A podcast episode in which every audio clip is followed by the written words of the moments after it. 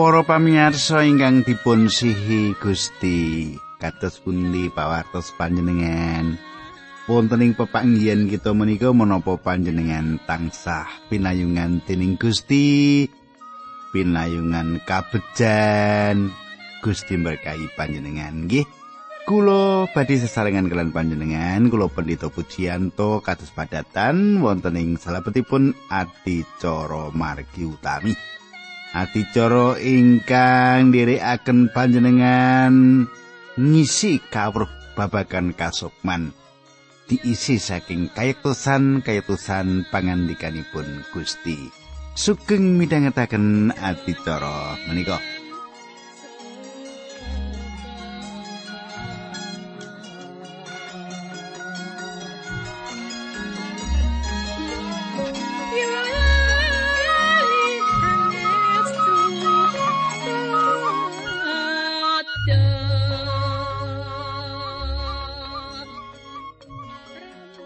Kadang kula ingkang kula tresnani kula gadah pengajeng-ajeng supados panjenengan tasih kemutan menapa ingkang kula aturaken duk nalika pepanggihan kepengker. Nalika semanten kita sampun ningali kados pundi minangka jejeripun rasul Petrus gadah tondo-tondo ingkang gumunaken. Piyambakipun saged ngarasaken Eneas saking lumpuh. Nah, selajengipun monggo kita semak kelajenganipun malih ingkang kita sinau saking kitab para rasul menika. Nanging sadèrèngipun menika monggo kita ndedonga rumiyin. Nanging sadèrèngipun ndedonga kula badhe ngaturaken salam. Salam kula dumateng Ibu Sutiem. Eh, Ibu Sutiem menika saking dusun Tambak Sari. Eh, Terus Bu, saya-saya to nggih serat panjenengan sampun kula tampi. Matur nuwun sanget lan panjenengan kantun nenggo balesanipun. Nggih, Ibu Sutiem. Mugi-mugi wanci menika saged sesarengan kalian kula monggo kita tumungkul kita ndedonga.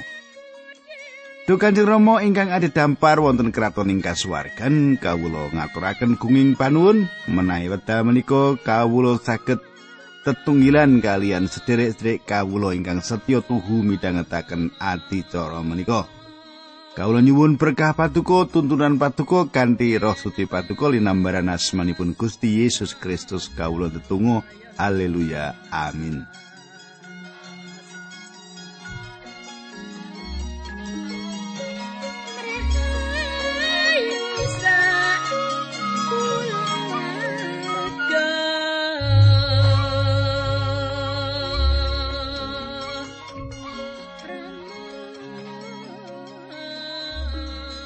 Para pamirsa samenika pasinaon kita sampun ngancik ing kitab Para Rasul 9 ayat 39. Kala wingi ayat 38, samenika ayat 39. Makaten surasipun. Rasul Petrus toto-toto nuli mangkat bareng karo kongkonan mau. Satekane ing omahe Dorcas, Rasul Petrus nuli digawa menyang kamar loteng Saking rondo-rondo sing ana ing kono padha ngrubung layone karo nangis lan nuduhake marang Rasul Petrus rasukan-rasukan lan jubah-jubah gaweane Dorcas kanggo wong-wong mau nalika isih urip. Katenggula panjenengan katosaken para rondo ngetingalaken rasukan-rasukan ingkang sampun dipun damel Dorcas. Kenging menapa para rondo menika nindakaken perkawis menika? Nindakaken mameraken sedaya ingkang dipun damel dening Dorcas awit para rondo menika tiang miskin. Para rondo menika mboten badhe gadah rasukan babar pindah menawi Dorcas mboten damelaken sandangan rasukan kangge para rondo menika. Dorcas ndamelaken rasukan kangge para rondo kala wau inggih menika peladosanipun Dorcas njait dondom-dondom menika satunggalipun ganjaran Sang Roh Suci ingkang dipun paringaken dumateng piyambakipun. Kita lajengaken ayat kawan dosa ngantos kawan dosa setunggal. Wong kabeh mau nuli dikon metu dening Rasul Petrus. Rasul Petrus nuli cengkeng detungo. Sawise mengkono Rasul Petrus nuli nyedhaki layone Dorcas karo ngendika, "Tabita, tangio." Dorcas nulin melek bareng weruh Rasul Petrus Dorcas nuli tangi. Rasul Petrus nyekel tangane nulungi Dorcas nggone ngadeg sawise kuwi wong-wong pracaya sarta rondo-rondo mau padha diklumpukake. Rasul Petrus nuli masrahke Dorcas sing saiki wis urip marang wong-wong mau. Katanggula panjenengan sama ayat. Kalau wau. Menika satunggalipun patuladan saking satunggalipun ganjaran tondo ingkang gumunaken. Simon Petrus inggih menika pelados kangge rakyatipun piyambak nanging inggih piyambakipun ingkang mikak lawang dumateng tiang sanes Yahudi. Saulus saking Tarsus dados Rasul Paulus lan piyambakipun inggih menika rasul tiang sanes Yahudi.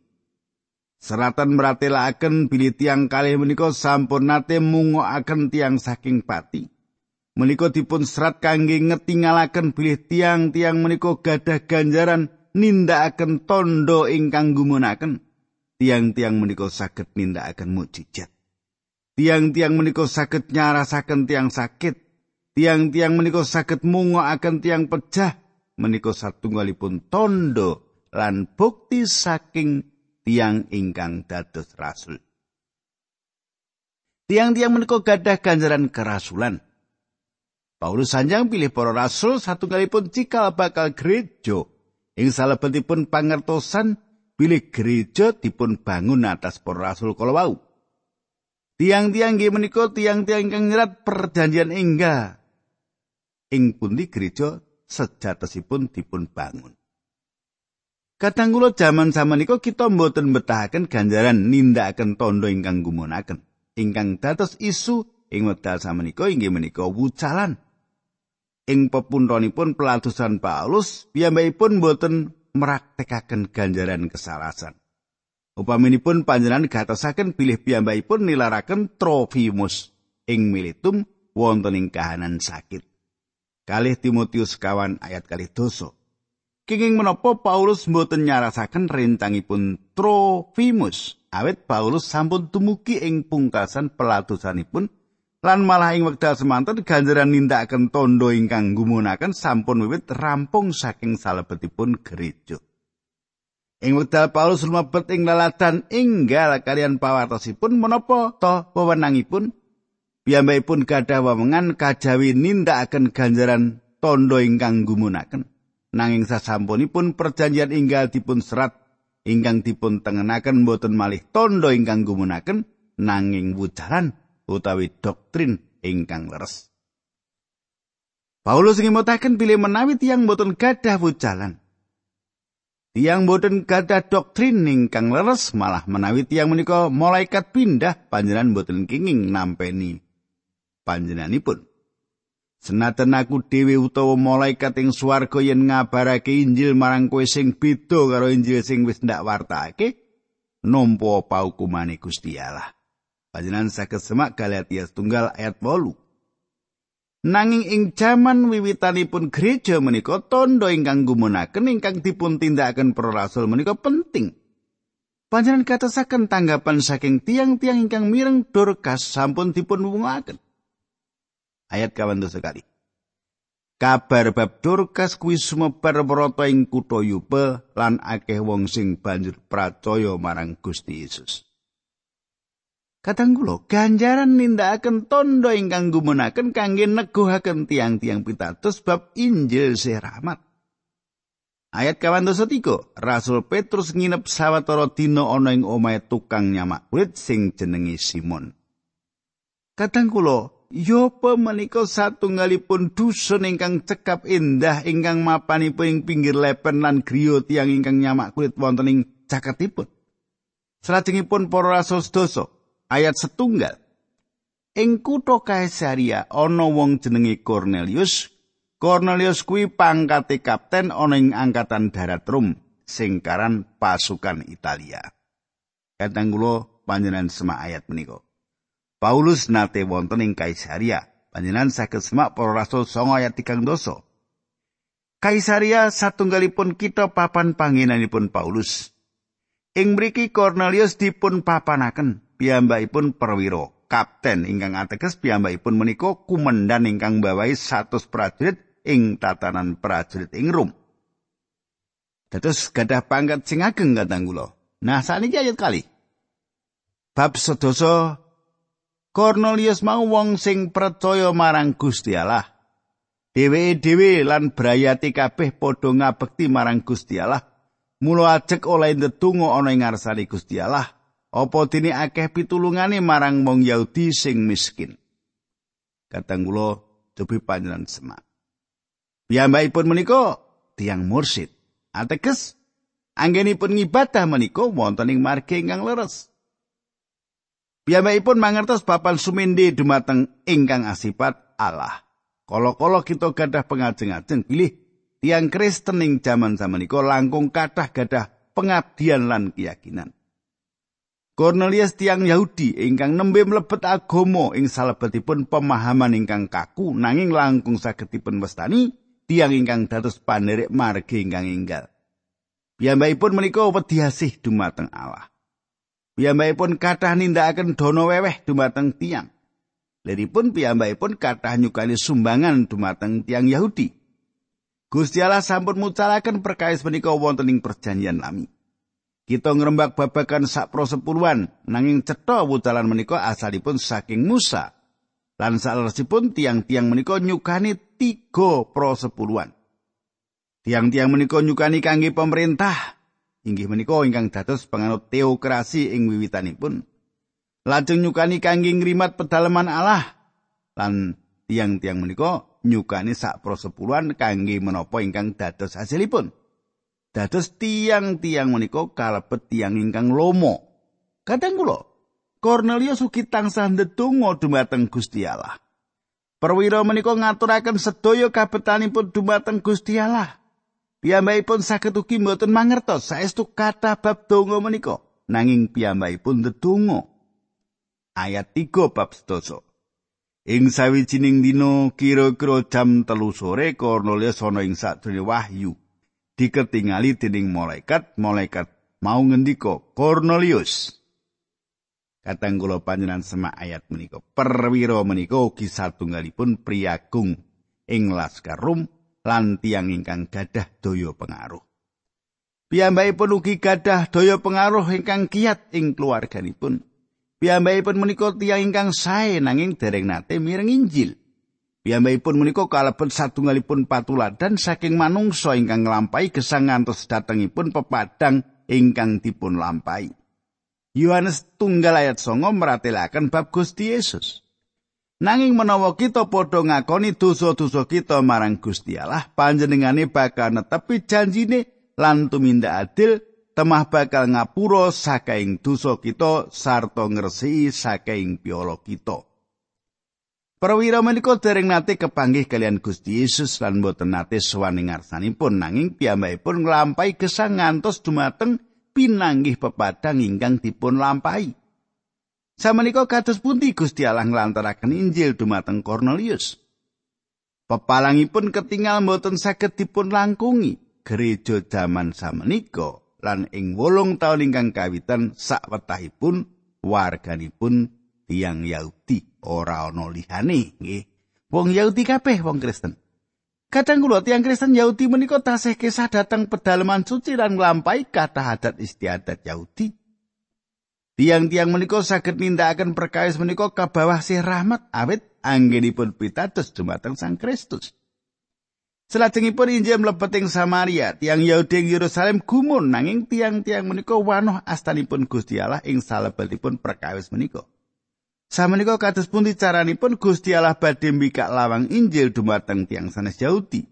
Paulus badhe dados tiang ageng ing babakan ngelaraken Injil dumateng tiang-tiang sanes Yahudi lan Gusti Allah nglatih piyambakipun. Kita lajengaken ayat sekawan. Cornelius wedi banget ndeleng malaikat mau nuli mangsuli kawula Gusti. Malaikat nuli ngendika meneh, "Pandongamu lan dadanamu wis ditampi becik lan diengeti dening Gusti Allah.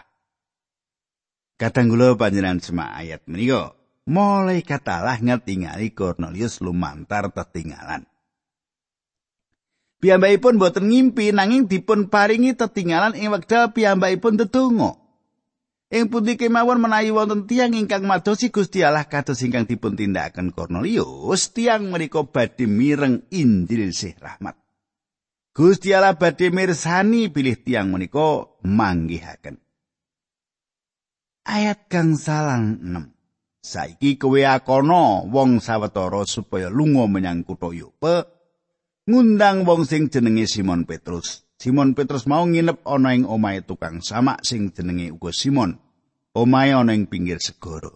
Kadang kula Malaikat ngandikan dumateng Cornelius wonten ing pundi saged kepanggih kalian Petrus ingkang dipun betahaken namung alamat.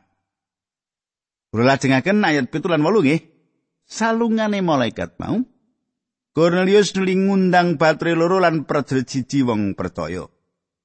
Cornelius nuli nyritakake apa sing mentas kelakon banjur akon wong-wong mau padha mangkat menyang kutha Yope. Kadang kula tiang-tiang menika mboten badhe kangilan madosi griyanipun tiang ingkang pedamelanipun nyamak kulit. Sawatawis tiang-tiang tasih wonten ing salebetipun lumampah tumuju griyanipun tiang ingkang nyamak kulit menika Gusti Allah tentu sampun nyawisaken Simon Petrus. Ayat songo. Esuke watara tengah dina bareng lakune kongkonan mawis meh tekan kutha Yope, Rasul Petrus munggah ing payone omah arep ndedonga. Kadang kula sangat penting tumrapipun Gusti Allah kangge nyawisaken Simon Petrus. Panjenengan semak Simon Petrus mboten gadah kapinteran kados Paulus. Sinoso piyambakipun mboten kados dene Paulus sing bab asal usul latihan-latihan Gusti Allah saged ngagem Petrus kanthi cara ingkang benten. Kula pitados satunggalipun kalepatan ageng kangge menggalih bilih saben tiang kedah dipun wangun kanthi cetakan ingkang sami supados dipun agem Gusti Allah. Kulo pitados satunggalipun kalepatan ageng kangge menggali bilih saben tiang kedah dipun wangun kanthi cetakan ingkang sami supados dipun agem Gusti Allah. Kalepatan ageng. Kulo lajengaken bab 10 para rasul ayat 10 ngantos 11. Rasul Petrus krasa luwe lan kepingin mangan sajroning mejane lagi ditoto Rasul Petrus oleh wahyu. Sadurunge wayu mau katon langit kawiyak lan ana kaya mori ombo sing poncote papat ditalani, mori mau diulur mudhun saka langit menyang bumi. Ing jerone mori mau ana kewan darat rupa-rupa, ana kewan sikil papat, ana kewan sing rumangkang lan manuk-manuk alasan. Kadang kula panjenengan gatosaken bilih wonten kewan galak sak wernanipun jinis manuk lan sak wernanipun kewan rumangkang. Kula lajengaken ayat 13 lan 18. Nuli ana swara sing dawuh marang Rasul Petrus, Petrus ngateko sembelen lan panganan. Nanging Rasul Petrus matur mboten Gusti, kawula dereng nate nedha tetedan ingkang karam utawi najis. Kadang kula ingkang kula tresnani. Sawetawis Petrus tanglet-tanglet menapa to maknanipun perkawis menika satunggalipun swanten ngandikan dumateng piyambakipun. Mboten narik bilih Petrus nyebat panjenenganipun Gusti. Nanging piyambakipun mboten bangun turut menapa ingkang dipun dawuhaken Gusti. Ampun kesupen perkawis menika Petrus tasih nglampahi gesang selaras kalian paugeran Musa. Lan piyambakipun mboten nedha menapa kemawon ingkang dipun anggap karam piyambakipun jujur wonten perkawis menika. Ayat yang 11 Nanging swara mau nuli ngendika maneh marang Rasul Petrus, "Kowe aja nganggep karam marang sing wis dikalalake dening Gusti Allah." Kadang kula menapa ingkang dipun pratelaken halal kangge Gusti Allah, ampun panjenengan sebat karam. Panjenengan saged nedha menapa kemawon awet Gusti Allah ingkang meratelaken kados mekaten. Mah iki karam iki. Lah wong Gusti Allah wis ngendika halal kok kondo karam ki piye gitu ayat 16 Kedadian kaya mengkono mau nganti rambah kaping telu sawise kuwi mori mau diunggahake meneh menyang langit. Kadang kula Petrus dados bingung kanthi sedaya lelampahan menika. Ayat 17 18 ngantos ayat 22 makaten surasipun. Rasul Petrus mikir-mikir apa maknane wahyu mau nalika iku wong-wong sing dikongkon dening Kapten Cornelius sawise takon-takon di omahe sing dipondoki Rasul Petrus wis tekan ngareping regol. Wong-wong mau padha takon menapa ing ngriki wonten tamu ingkang asmanipun Petrus. Nalika Rasul Petrus isih nggagapi manane wahyu mau banjur dingandikani dening Sang Rasul Petrus, ana wong telu goleki kowe. Inggal muduna lan aja mangu-mangu mangkat bebarengan karo wong-wong kuwi sebab aku wis ngutus wong-wong mau mrene. Rasul Petrus nuli mudhun lan kondo marang wong-wong mau, "Yo aku iki wong sing kok goleki ana perlumu apa kowe padha mrene?" Wong-wong mau nuli padha matur dhateng kula mriki dipun kengken dening Kapten Cornelius piyambakipun menika tiyang sae ingkang ngabekti dhateng Gusti Allah lan kajen ing antawisipun bangsa Yahudi sedaya. Kapten Cornelius menika dipun ketingali dening malaikatipun Gusti Allah ingkang dawuh supados ngaturi panjenengan rawuh ing griyanipun supados Kapten Cornelius saged mireng menapa ingkang panjenengan dawuhaken. Panjenengan semak ayat-ayat kula wau kadang. Simon Petrus kedah kisah dateng Kasaria. Rombongan alit saking Cornelius nyetakaken dumateng piyambakipun salajengipun nyukani undangan supados sesarengan kalian tiang-tiang menika kisah dateng griyanipun Cornelius. Kita lajengaken ayat 3 likur ngantos 4 likur makaten surasipun. Wong-wong mau nuli tikon nginep ning kono. Esu Rasul Petrus sawise tata-tata nuli mangkat bareng wong-wong kongkonane Kapten Cornelius ana sawetara wong pracaya saka kutha Yopa sing uga melu. Esu maneh Rasul Petrus lan rombongane tekaning kutha Kaisaria, Kapten Cornelius wis ngenteni mengkono uga sanak sedulur lan kanca-kancane cedhak sing padha diundang mrono. Kadang kula panjenengan katosaken, kita saged nyemak bilih Cornelius cekap gadah pengaruh ing keluarga lan mitra-mitranipun. Piyambakipun nglempakaken keluarga lan mitra-mitranipun nglempak sesarengan wonten ing pepanggihan menika nanging Cornelius menika tasih dados tiyang ingkang manembah brahala. Ing wekdal piyambakipun dipun dawuhi malaikat sepatus ngundang Simon Petrus, piyambakipun gadah pemanggih bilih Simon Petrus menika tentu tiyang ingkang penting. Dados piyambakipun sujud lan manembah dumateng Petrus. Ayat 6 nanging Rasul Petrus akon Cornelius ngadeg karo dikandani kulo aturi ngadeg. awet kula menika tiang limprah kemawon. Kata kula, kula remen. Cara Petrus nindakaken perkawis menika. Kula lajengaken ayat 17 18. Sambi ngantikan karo Cornelius, Rasul Petrus mlebu omah lan ketemu karo wong akeh sing padha ngumpul ana ing kono. Rasul Petrus nuli ngendika marang wong-wong mau panjenengan sami mangertos bilih tiang Yahudi menika dipun awisi dening agaminipun tetuwi utawi sesrawungan kalian tiang-tiang sanes Yahudi. Nanging Gusti Allah sampun maringi pirsa dhateng kula, bilih mboten leres menawi kula nganggep tiang najis utawi karam. Kadang kula inggih menika ingkang sepindahan bilih Petrus mlebet ing griyanipun tiang sanes Yahudi. Piyambakipun piyambak tasih radi mangu-mangu nampi dawuhipun Gusti Allah dumugi mriku. Piyambakipun nerak paugeran kawitan ing salebetipun kawruh khotbah ing wekdal piyambakipun miwiti khotbahipun. Menapa ingkang dipun sanjangaken boten memitran, menika satunggalipun patra pangino nanging inggih menika perkawis ingkang dipun pratelakaken Simon Petrus. Kadang kula salajengipun kados pundi? Perangan menika kalajengaken kita badhe nyemak ayat-ayat salajengipun saking kitab Para Rasul menika. Nanging tentu kemawon wonten ing pepanggihan ingkang salajengipun nggih ora saiki awit samenika waktune wis ora ana lan panjenengan kedah mboten ketinggalan dinten candhaipun panjenengan kedah sesarengan kalian kula. Kadang kula monggo kita ndedonga. Duh Gusti Allah ingkang Maha Kawula ngaturaken kuing panuwun menawi wekdal menika kawula saged sesarengan sedherek kawula mirengaken pangandikanipun Gusti. Kawula pasrahaken wonten ing asta paduka Gusti piyambak ingkang mangun imanipun sedherek kawula menika. Gusti Yesus Kristus kawula tunggu. Amin.